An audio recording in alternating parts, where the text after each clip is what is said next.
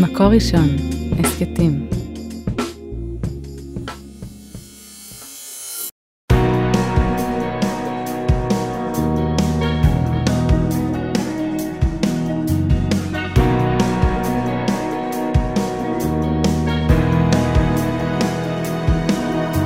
שלום הרבנית שירה מרילי מירביס. שלום הרבנית חמוטל שובל. פרשת וארא. פרשת וארא, אז אנחנו בעצם מכירות מחדש עוד הפעם את משה ואהרון, למרות שדיברנו עליהם בפרשה הקודמת כבר, ושמענו על הולדת משה. הפעם אנחנו עוד הפעם מתחילים בלהכיר טיפה מאיפה הם באו, עם מי הם התחתנו, תולדות המשפחה קצת, נותנים לנו רקע עליהם, ואחר כך מספרים לנו על המפגש הראשון של משה ואהרון, היכולת של החרטומים לחקות חלק מהמופתים עם המטה, כל מה שקורה שם למשה ואהרון, החרטומים שמצליחים לשחזר את הקסמים ואת הניסים. אה, ואז אנחנו מתחילים עם המכות הראשונות, שבע המכות הראשונות שמשה ואהרון נותנים על ארץ מצרים בשליחות הקדוש ברוך הוא.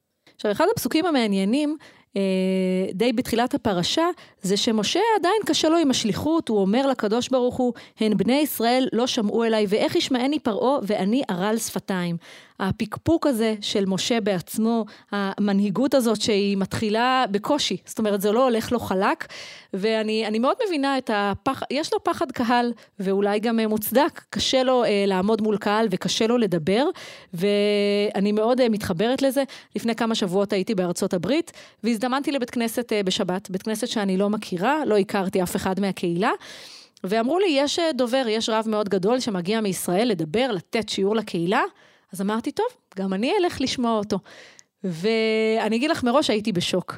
אה, עומד אדם אחרי הקידוש, כל הקהילה יושבת להקשיב, והעברית שלו הייתה מעולה, האנגלית שלו הרבה פחות.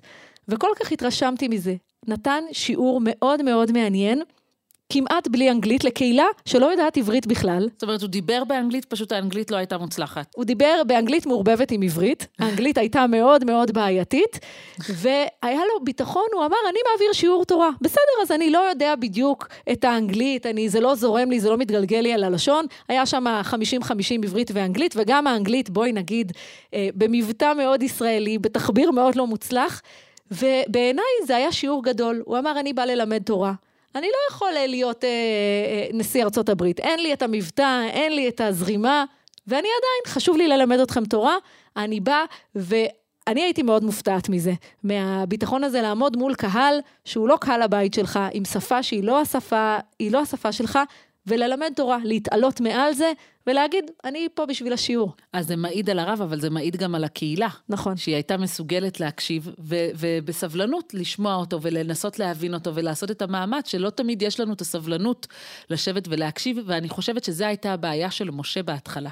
זאת אומרת, כשמשה מתחיל את השליחות שלו, אומר הרב זקס, מה שהיה קשה למשה זה שכל פעם שהוא הולך לדבר עם פרעה, בעצם... נהיה יותר רע. נהיה יותר רע. משה, אה, פרעה מכביד את הגזרות על עם ישראל. ועם ישראל, במקום שהוא אה, יגיד למשה, יאללה, אנחנו איתך, קדימה, תוציא אותנו מפה, בצדק, הם אומרים לו, מה אתה עושה? אתה רק מחמיר את המצב. כל פעם שאתה הולך לדבר עם פרעה, יש לנו רק גזרות חדשות, זה לא עוזר לנו. כאילו, מה אתה עושה כאן? ואני חושבת שזה הבעיה הרצינית של המנהיגות של פרעה, של משה בתחילת הדרך, זה לא רק שמשה ערל שפתיים וכבד פה וכבד לשון, אלא כל ההתנהלות שלו מול פרעה, זאת אומרת, הוא הולך ומדבר איתו ויוצא את האפקט ההפוך. ו- ומה קורה שם בהתנהלות הזאת בין הקדוש ברוך הוא למשה, לאהרון, לפרעה, לעם? יש שם משהו שהוא מאוד מאוד קשה, ואומר הרב זקס, המנהיגים הגדולים הם לא המנהיגים שבאים למשול על ארץ כשיש כלכלה טובה ויציבה, כשהכול מבחינה חברתית זורם, אלא מנהיג טוב זה מנהיג מנהיג שיכול להוביל דווקא בעיתות מצוקה, בעיתות של משבר וקושי. ומשה נכנס להנהיג את העם בזמן של משבר מאוד מאוד רציני, הוא מנסה לבוא ולדבר איתם כשהם עבדים, ולכן הקוצר רוח שלהם, העבודה קשה שגורמת לקוצר רוח, זה דבר ממשי. זאת אומרת, היכולת שלך לבוא ולהקשיב למישהו אה, ולזרום איתו עם הניסיונות שלו, זה באמת השפיע להם על חיי היום-יום, וזה לא דבר קל. אומר הרב זקס בצורה מאוד יפה, בני האדם הגדולים אינם אלה שלעולם הם נכשלים. נכשלים, אלא אלו ששורדים כישלון, שממשיכים ללכת, שמסרבים להיות מובסים, שלעולם לא מוותרים או נכנעים. משה ממשיך ללכת וחוזר לפרעה פעם אחר פעם, ופרעה לא מקשיב לו, ופרעה מבטיח לו דברים ולא מקיים, וזה לא מרפא את ידיו של משה. הוא הולך וחוזר והולך וחוזר, וממשיך וממשיך לנסות לאורך כל החומש. אני חושבת שאלפיים שנה עברו, ולא השתנה הרבה. זאת אומרת, אני חושבת שהעם שלנו מאוד מאוד ביקורתי, רוצה נורא נורא הצלחות, נכון? כל אחד שנהיה ראש ממשלה, אחרי כמה חודשים, בכל עיתון שמכבד את עצמו יש את רשימת ההישגים, הכישלונות. אנחנו אה, נורא אוהבים אה, לספור כישלונות, אנחנו נורא נורא ביקורתיים. וכל הזמן אומרים, מה עשית? איך שיפרת את הכלכלה? איך שיפרת את הקורונה? איך שיפרת את החינוך ואת מצב הבריאות? אנחנו עם יד קלה על ההדק, כדי להגיד למנהיגים שלנו, הנה, עוד לא הצלחתם, עוד לא הוכחתם uh, את עצמכם. ואני חושבת שזה שיעור מאוד מאוד חשוב ללמוד ממשה. משה מקבל uh, הדף שלילי לא רק מפרעה, גם מהעם. זאת אומרת, הוא עומד פה באמצע, כל מהלך שהוא עושה, פרעה מקשיח את ליבו, העם מצד שני אומר לו, משה, עזוב אותנו, אתה סתם גורם לנו לסבל מיותר, והוא מראה לנו שיש לו שליחות, והוא ממשיך ללכת קדימה. ובאמת אנחנו כל הזמן רוצים אה, לראות uh, הצלחות, קשה לנו נורא לראות כישלונות של עצמנו, בטח של המנהיגים שלנו. הרב זקס אומר לנו, תנשמו רגע. גם משה לא הוציא את עם ישראל ממצרים ביום אחד, גם משה לא הצליח בהינף שרביט לפתור את כל הבעיות של העם. גאולה לוקחת זמן. היא תהליכית, היא משברית, היא לא פשוטה לכולם. אל תהיו uh, עם uh, יד uh, על ההדק, עם יד קלה על ההדק לספור כישלונות. והצלחות לוקחות זמן. כן, אז הרב זקס בנוסף לזה, הוא גם אומר, יש דברים של איך אתה מסתכל בראי ההיסטוריה. זאת אומרת, היום אנחנו זוכרים את משה המנהיג הדגול של עם ישראל, ואנחנו לא בהכרח זוכרים שההתחלה שלו הייתה לא עצמו מאוד מאוד קשה. היה לו קשה עם עצם השליחות שלו, היה לו קשה מול פרעה, היה לו קשה מול העם.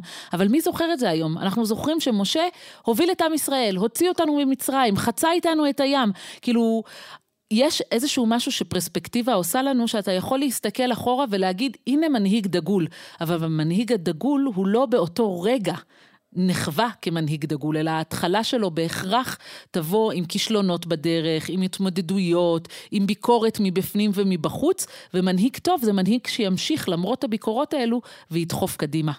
הרב הוטנר, שנפטר ב-1980, אה, שכתב את הספר פחד יצחק, הוא מדבר אה, גם, גם על זה, על איך אנחנו מסתכלים על המנהיגים שלנו, על איך הרבה פעמים, כמו שאת אומרת, מטשטשים את הקשיים ושמים את, הז, את הזרקור על ההצלחות, והוא מדבר אה, למשל על החפץ חיים, והוא אומר, אנחנו רואים כמה נפלא הוא היה, ואנחנו אוהבים לדלג על המאבק הפנימי שהתחולל בנפש המנהיגים שלנו, אנחנו חושבים שיש לנו רושם של גדולי ישראל, כמה הם היו נפלאים. וכמה הם הצליחו, ואנחנו לא יודעים כמה מלחמות, כמה מאבקים, כמה מכשולים ונפילות ונסיגות היו להם בדרך. זאת אומרת, הוא אומר, אנשים לא גדלים להיות אנשים דגולים בלי ליפול. בלי ליפול בדרך, אנחנו, אני חושבת שהתורה בכוונה אה, מראה לנו את הקושי של משה בהתחלה, את הפחד שלו אה, מלדבר, את, את ההזדקקות שלו לאהרון. היא אומרת, אין פה שום בושה להגיד אני לא יכול לבד, אני צריך מישהו שילווה אותי. ומי יותר טוב מאח? ולהגיד, אני לא רוצה את הקרדיט לעצמי, אני לא רוצה ללכת לבד. קשה לי. אני חושבת שהכנות הזאת, אה, הקדוש ברוך הוא אומר לנו, תסתכלו על משה, גם הוא התחיל כמו שאמרנו שבוע שעבר, בבית אומנה, היו לו, תחילת החיים שלו הייתה קשה ומורכבת, ואומר לנו הרב הוטנר, כל גדולי ישראל, אף אחד לא התחיל בפסגה. אז הוא כותב פה, זה בעצם מכתב שהוא כותב לתלמיד שלו, הפחד יצחק, והוא כותב לו נורא יפה, אל תדמיין ש, שבזמן שהנך מרגיש בקרבך סערת היצר, דע לך שבזה אתה מדמה אל הגדולים. הרבה יותר מאשר בשעה שאתה נמצא במנוחה השלמה שאתה רוצה בה. זאת אומרת, אל תדמיין שכשאתה, הכל טוב לך ואתה יושב בבית מדרש והכל סבבה, אז אתה דומה לגדולים של הדור. לא, אתה דומה לגדולים של הדור דווקא מתוך הסערה, דווקא מתוך ההתמודדות, ואיזה מסר יפה הוא מעביר לתלמידים שלו, ש, שיש למה לשאוף, וזה בסדר להתמודד, והתמודדות זה דבר שמצמיח, וזה דבר שהוא בריא. כן, הוא אומר, דווקא במקום של הירידות הכי מרובות, שם הנך עומד להיות כלי להצטיינות של כבוד שמיים. לא, לא, אה, לא קשה להצטיין כשקל לך. והכל זורם לך והחיים הולכים בדיוק איך שרצית. אבל כדי להיות אדם גדול, אתה צריך להיבחן ברגעים של הירידות, ברגעים שצועקים עליך עם ישראל, שפרעה לא שומע, אה, שאתה רואה איך העם שלך סובל וממשיך לעבוד בפרך כשאתה מנסה לגאול אותם. זה נורא נורא קשה, נורא ומשה לא קשה. לא מתייאש. אז מה היה קשה, ברמה הטכנית, מה היה קשה למשה? כשהקדוש ברוך הוא נותן לו את, השליח, את השליחות להנהיג את העם, אז משה אומר שהוא ערל שפתיים. והרש"ר הירש מנסה להבין מה ההבדל בין ערל שפתיים לזה שהוא כבד פה וכבד לשון. זאת אומרת, יש פה משהו שמטריד את משה ברמה של הדיבור שלו. כן. הוא אומר, איך אני יכול ללכת לדבר עם פרעה? איך אני יכול ללכת לדבר עם עם ישראל, אם הקושי שלי הוא קושי ביכולת הדיבור.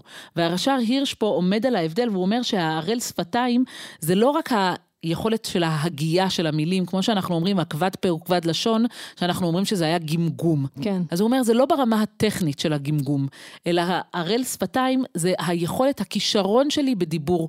בעצם אני שומעת פה את רש"ר הירש אומר, משה הוא אינטרוורטי, משה הוא בן אדם מופנם, משה הוא בן אדם שהכוח שלו הוא לא בכריזמה נוטפת, שהוא פותח את הפה וכולם מקשיבים לו. משה אומר, זה לא הבעיה רק שאני מגמגם, זה הבעיה שגם אחרי שאני אתגבר על הגמגום שלי, אני רוצה לתת השראה לאנשים, אני רוצה לעודד אותם, הם בשעבוד, הם במצוקה, ואין לי את היכולת הזאת לתת השראה ולעודד ולהרים אותם מהמצב הקשה, כי אין לי את הכושר דיבור הזה שנצרך ממנהיג, וזה הערל שפתיים שהרש"ר הירש מדבר עליו. את יודעת שישב אצלי לפני שבוע ילד מאוד חמוד בכיתה ג' בארוחת שבת. ושאלתי אותו, אתה יודע, תספר לי משהו מעניין שיש לך בבית ספר, אני לא מכירה את בית הספר שלו, והוא אמר לי, את יודעת איזה שיעור אני הכי אוהב? אמרתי לו, איזה? חשבתי שהוא ילך על ספורט, הוא אמר לי שיעור בניית מצגות. מה? אמרתי מה לו, מה זה שיעור בניית מצגות? והאבא שלו, שגם ישב בשולחן, אמר, אבל אתה יודע לבנות מצגות. אז הוא אומר, אבא, אתה לא מבין. יש לנו שיעור בניית מצגות עם מישהי שהיא אימא. היא לא מורה, היא אימא של אחד הילדים, והיא מתנדבת. ואומר הילד, אנחנו יודעים לבנות מצגות, אבל אני לא יודע להציג אותם. אני לא יודע לעמוד מול הכיתה ולהסביר את מה שכתבתי. אוי, זה מקסים. והאימא הזאת מלמדת אותנו, בכיתה ג', שימי לב, עמידה מול קהל. אומר הילד, אני ממש יודע בקלות לבנות את המצגת עם תמונות וגם עם מילים, אבל אני לא יודע להסביר את זה, שם אני נופל. זה היה נורא חמוד שהוא אמר. והוא אמר, אנחנו לומדים עמידה מול קהל בכיתה ג', ואני חושבת שזה, על זה משה מדבר פה. כן. הוא אומר, גם אם אני מת, מתגבר על הקושי הבסיסי של להגות את המילים ואני מצליח, על זה התגברתי, אין לי את זה, את העמידה מול קהל, זה נורא נורא קשה לי. ואני מאוד מבינה את זה, את הפחד הזה של לעמוד באור הזרקורים, והוא אומר, יש אנשים שזה זורם להם, ומשה אומר, אני לא כזה. ואני חושבת שמשה עובר פה תהליך מאוד מאוד מעניין, הוא עוד יגיע לחומש שכולו יהיה דברים. מבן אדם שאומר, אני לא איש דברים, אל חומש שלם של דיבור, ו- והוא עובר פה תהליך, הקדוש ברוך הוא לא מוותר לו. הוא אומר, נכון, לא כולנו נולדים עם אה, פוטוגניות ועמידה מול קהל או עמידה מול מצלמה אה, ו- והובלת עם, והקדוש ברוך הוא אומר לו, אני לא מוותר לך. נכון, אתה הרל שפתיים, אולי אתה גם כבד פה, אתה תצליח. אולי אה, צריך, אה, אולי כולנו צריכים אה, שיעור בבניית והצגת מצגות. אני חושבת שזה נורא יפה כי הוא מזהה את זה שזה לא מורה מלמד, זה אימא. כן. ואימא יכולה ללמד את זה בצורה אחרת ולבנות את הביטחון העצמי אצל הילדים, ואני מאחלת לכל ילד מילדי ישראל, אימא שתלמד אותו ביטחון עצמי מהו. נכון. מדהים, פשוט מקסים. אז אני, אני חושבת שמאוד בקטן אצלי, חלילה, לא בהשוואה למשה רבנו, אבל מאוד מאוד בקטן אצלי, חלק מהתפקיד שלי כרבנית קהילה זה לעמוד מול הקהילה ולתת דבר תורה, לדבר, לדבר בשבת, שזה חלק שאני מאוד מאוד אוהבת מצד אחד, ומצד שני, אני מאוד מאוד מתכוננת אליו. זאת אומרת, זה לוקח לי... אנשים אומרים לי, איזה יופי, כאילו, ת, תגידי דבר תורה, כאילו, בהתקלה, כן, שטויות, בקטנה, זה כאילו ממש בקטנה להגיד דבר תורה. ואצלי, זה ממש לא בקטנה להגיד דבר תורה, כאילו, זה משהו שאני עובדת עליו המון המון. אה, אני אוהבת לעבוד עליו המון, זה, זה משהו שאני אוהבת, אני אוהבת לקרוא את הפרשה, אני אוהבת ללמוד את הפרשה ואז לדבר עליה, אבל אה, כאילו, יש בזה משהו שהוא מלחיץ בלעמוד מול קהל ולדבר, במיוחד כשזה כל כך חשוב לי. ואני זוכרת שפעם אמרתי לאבא שלי, זיכרונו לברכה, וואי, מתי אני כבר אצליח לעמוד ולדבר בלי שיהיה לי את הקווץ' הזה בבטן, שאני מרגישה שאני עוד שנייה הולכת להקיא לפני שאני מדברת מרוב שאני בלחץ. ואבא שלי החמוד אמר, ברגע שזה יקרה, שלא יהיה לך את הקווץ' בבטן לפני שאת מדברת, אז אל תדברי. עזבי. כאילו, כל עוד יש לך את הקווץ' בבטן, את בסדר. אם אין לך את הקווץ' בבטן, אז אל תדברי. אז זה השיעור אז אני שמחה בזה. כן, אז זה השיעור שמשה מלמד אותנו. כן. לאף אחד זה לא קל להיות מנהיג. נכון. ואנחנו, רובנו, ברוך השם, או לא ברוך השם, לא מנהיגים, או לא מנהיגות, לאף אחת זה לא קל לעמוד ולדבר ו- ולטוע באנשים אה, ביטחון והשראה ולעורר אותם. וקרבת השם, כן, זה דברים שצריך לעבוד עליהם, זה לא מתפלק לאף אחד, אני חושבת. ולכן זה כתוב לנו בפרשה, משה עובר תהליך ומלמד אותנו זה קשה לכולם, וזה גם קשה לגדול המנהיגים שלנו, איך אני מדבר עם אה, מלך האימפריה הגדולה של אותו זמן, פרעה, ואיך אני מדבר עם העם שלי שסובל. זה שיעור חשוב לכולנו. ממש. והרמב"ן גם הוא מדבר על זה, והוא אומר בעצם שלמה משה מזכיר שהוא ערל שפתיים? בגלל שהוא חשב שיעזרו לו, הוא חשב שהזקנים יבואו וידברו, ולא משה הוא זה שידבר, הוא חשב שיהיה לו buffer, שיהיה איתו משלחת שתבוא איתו ותעזור לו לעמוד מול פרעה, והוא מצא את עצמו לבד.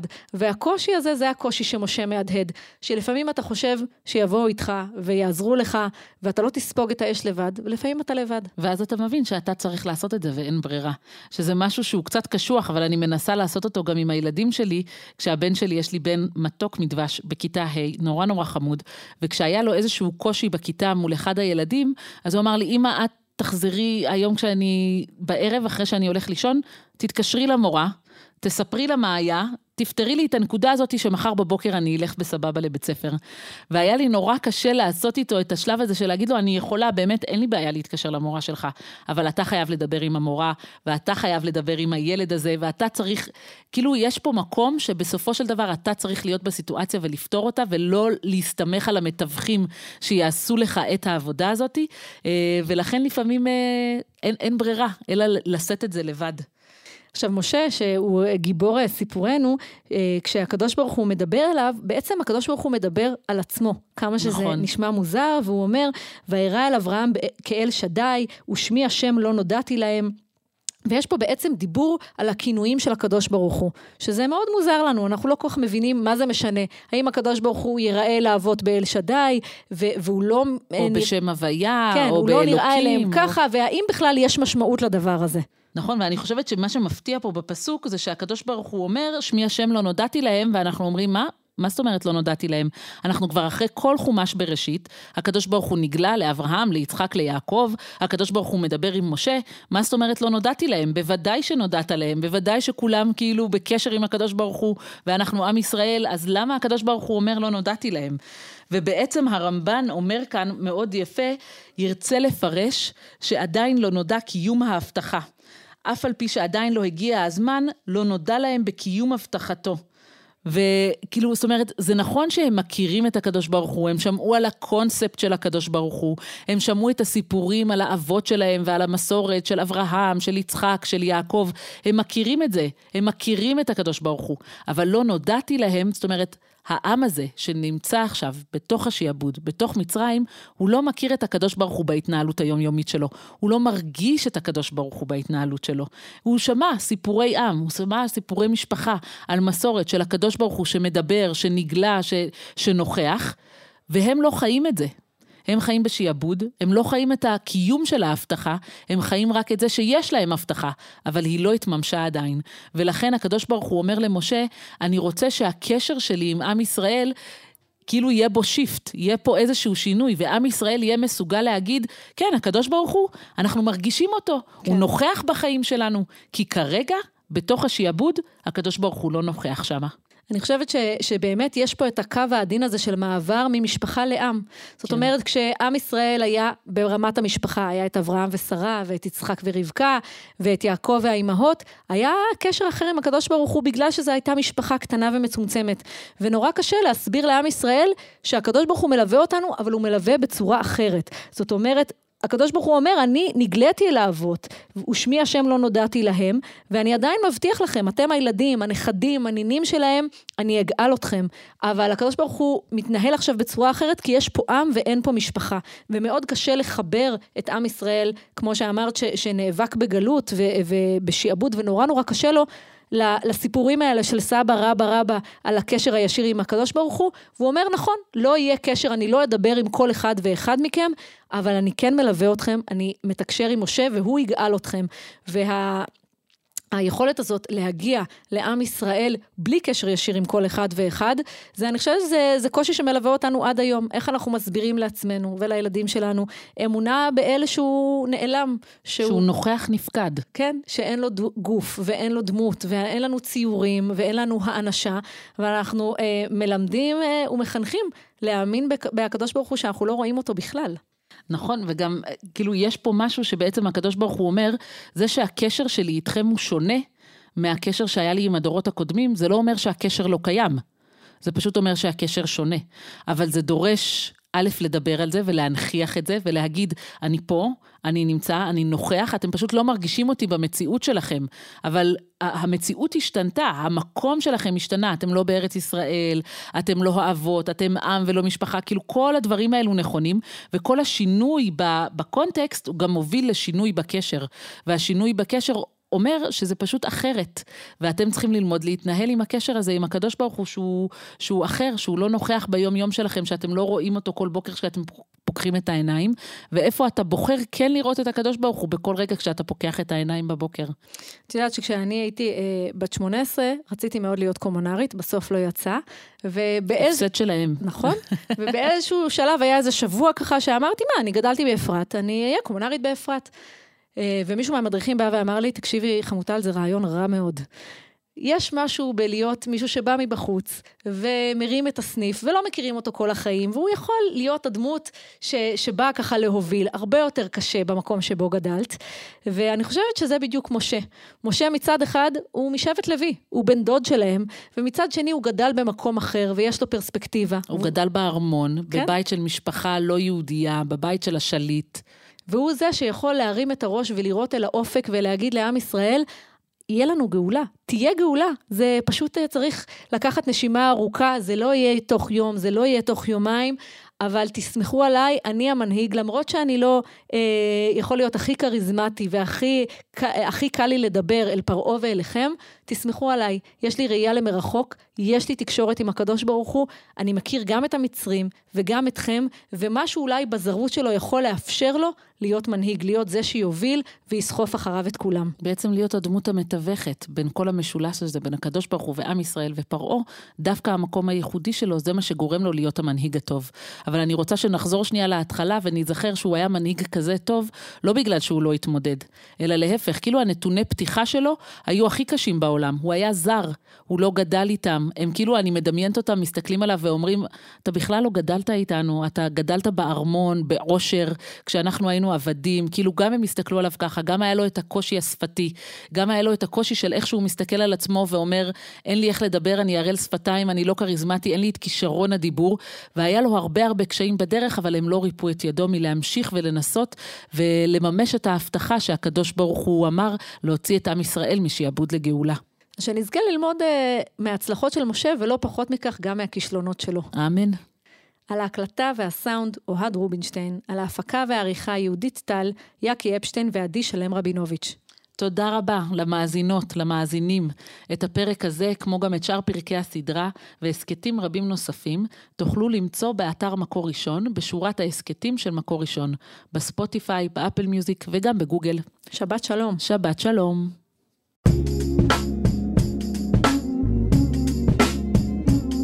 מקור ראשון, הסכתים.